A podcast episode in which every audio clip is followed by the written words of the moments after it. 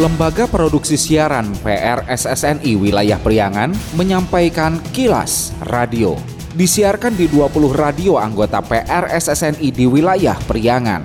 Dan kilas radio edisi kali ini di antaranya mengenai tersangka pemotong kelamin anak sendiri di Tasikmalaya terancam hukuman 5 tahun. Bulog perwakilan Ciamis menyatakan stok beras di Priangan Timur aman hingga 6 bulan ke depan. 2000 bibit pohon mahoni ditanam dalam GTPP di Banjar. Pendengar, inilah kilas radio selengkapnya. Kilas Radio. Kilas Radio. Kilas Radio. PR SSNI Jabar Wilayah Priangan.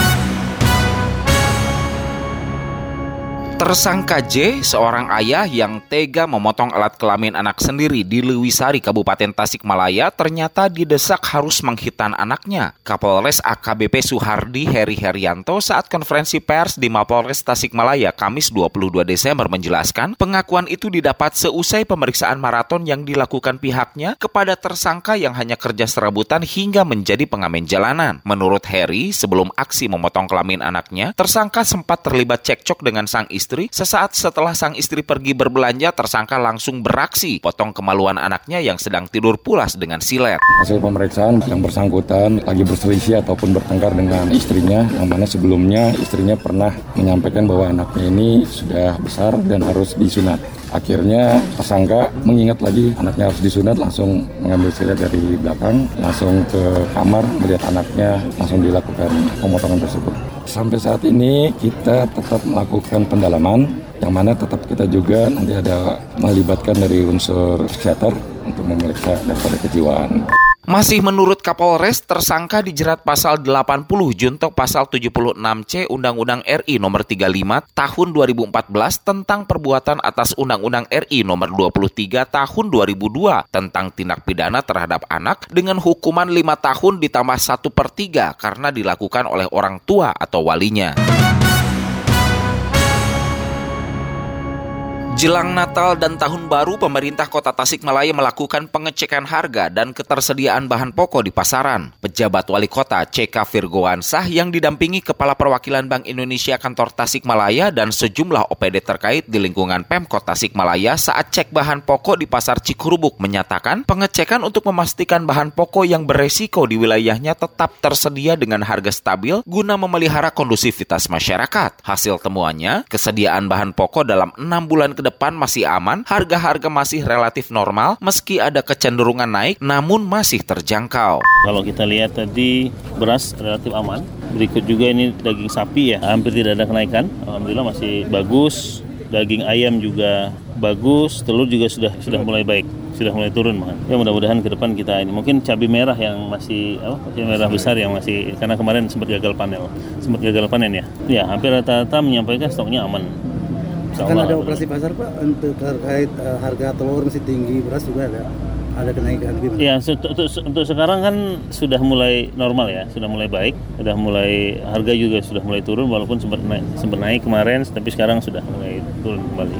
Meski dalam batas normal, ada sejumlah komoditas cenderung mengalami kenaikan, yaitu beras premium capai 12.000 per kilogram. Robi, pedagang beras pasar Cikurbuk, mengatakan adanya kenaikan harga sejak awal bulan Desember, namun pihaknya antisipasi dengan menyediakan beras medium dengan harga 9.400 yang terjangkau oleh masyarakat, walaupun tetap imbasnya pada sepinya pembeli. Untuk lokal harganya Pak di kisaran 11.000 sampai harga 11.5, yang premiumnya 12.000. Paling yang kisaran medium ada kisaran yang 10 sama 94 kenaikan lumayan signifikan sih Pak dari bulan Desember awal sampai akhir sekarang Orangnya ada kenaikan sama berapa tuh?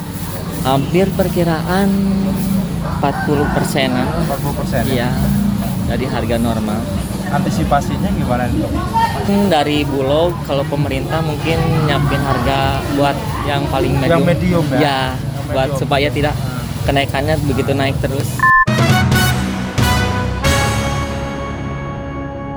Masih informasi terkait stok ketersediaan beras di gudang Bulog Tasikmalaya mencukupi hingga enam bulan ke depan. Pimpinan Bulog Cabang Ciamis Syafarudin usai dampingi PJ Wali Kota Tasikmalaya cek bahan pokok di Pasar Cikurubu Kota Tasikmalaya mengakui adanya kenaikan harga di pasar, namun pihaknya terus distribusikan beras medium dengan harga jual 9.500 per kilogram. Menurut Safarudin, kebutuhan Kota Tasikmalaya di kisaran 300 hingga 400 ton per bulan dengan ketersediaan barang aman Untuk wilayah gudang Linggajaya ini stoknya sekitar 1.400 ton itu untuk kebutuhan enam bulan ke depan atau sebelum panen itu masih aman. Tidak ada kendala untuk kesiapan stok baik menghadapi tahun baru malah untuk menghadapi lebaran insya Allah masih aman. Kalau untuk barusan di pasar ada kenaikan 1.000 rupiah Pak, kira-kira apa, uh, apa gejalanya? Kalau untuk kenaikan pasar itu memang rata-rata masih di atas ya untuk saat ini. Hmm. Tapi saat ini juga kita terus bombardir dengan uh, medium dengan harga dari gudang kita itu 8.300 per kilo.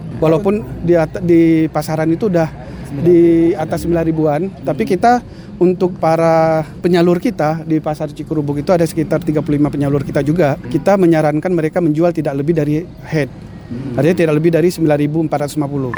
Kilas Radio. Kilas Radio. Kilas Radio. PR SSNI Jabar Wilayah Priangan. Musim hujan telah tiba. Waspadai kawasan sekitar Anda yang berpotensi rawan bencana alam, longsor, banjir, angin puting beliung, dan lain-lain. Siagakan diri kita setiap saat, setiap waktu untuk meminimalkan korban jiwa. Tingkatkan siskamling antar warga. Segera komunikasikan dengan pihak terkait bila ada tanda-tanda awal potensi bencana alam. Iklan layanan masyarakat ini dipersembahkan oleh Kilas Radio. Bila Anda mendapatkan hal-hal atau peristiwa penting untuk diliput oleh tim Kilas Radio, hubungi hotline servis kami, SMS atau WA ke nomor 0813 2424 5911 0813 2424 5911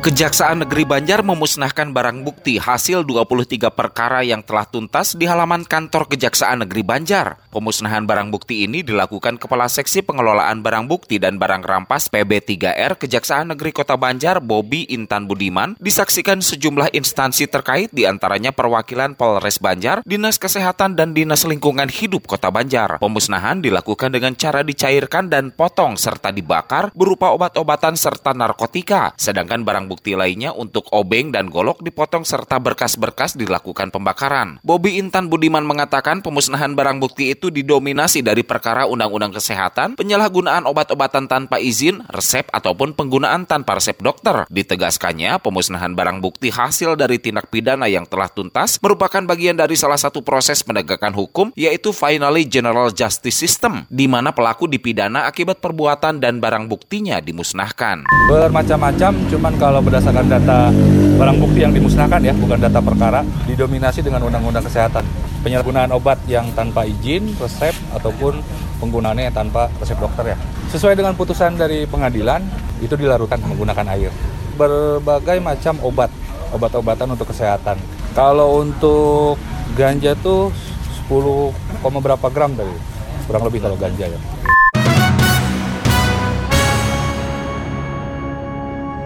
Masih informasi dari Banjar, sebanyak 2.000 bibit pohon mahoni ditanam di Lembaga Pemasyarakatan Kelas 2B Banjar Sabtu 24 Desember. Kepala Lapas Banjar Muhammad Maulana mengatakan penanaman bibit pohon dalam kegiatan Gerakan Tanam Pelihara Pohon GTPP itu dilakukan guna peringati Hari Bela Negara ke-74, Hari Ibu dan Hari Kesetiakawanan Sosial Nasional. Menurut Maulana, acara selain dihadiri pejabat kota Banjar juga libatkan mahasiswa serta pelajar. Bahwa lapas, Ibu Wali Kota sudah mengizinkan kami mengelola 10 hektar lahan yang luas. Itulah yang akan kami tanami batas keliling luarnya.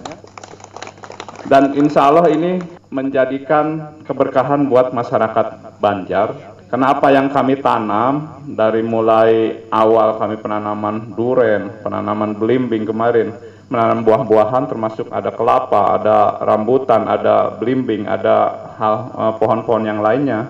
Semua diniatkan dengan bismillahirrahmanirrahim halal buat semuanya. Makanya pada saatnya bisa dipanen, silahkan dinikmati oleh seluruh masyarakat yang berkenan panen di lapas. Hari ini yang akan kita tanam adalah sekitar 2000 pohon mahoni. Wali Kota ADUU Sukaisi mengapresiasi kegiatan gerakan tanam pelihara pohon GTPP yang libatkan banyak pihak. Menurutnya, jika manusia mau menjaga alam dan lingkungannya, maka alam juga akan lakukan hal sama kepada manusia. Kalau kita semua, saya terima kasih dalam kesempatan ini semua terlibat dari dari Galuh, dari Stikes semuanya aja keluarga lapas luar biasa. Inilah yang di ini sama ibu saya apresiasi karena Banjar Agropolitan eh, apa asli lingkungannya asli lingkungannya kalau kita menjaga alam alam akan menjaga kita. Kilas Radio. Kilas Radio. Kilas Radio. PR SSNI Jabar Wilayah Priangan. Sekian Kilas Radio. Saya Dido Nurdani beserta tim Kilas Radio Priangan. Salam PRSSNI. Kilas, Kilas. Radio.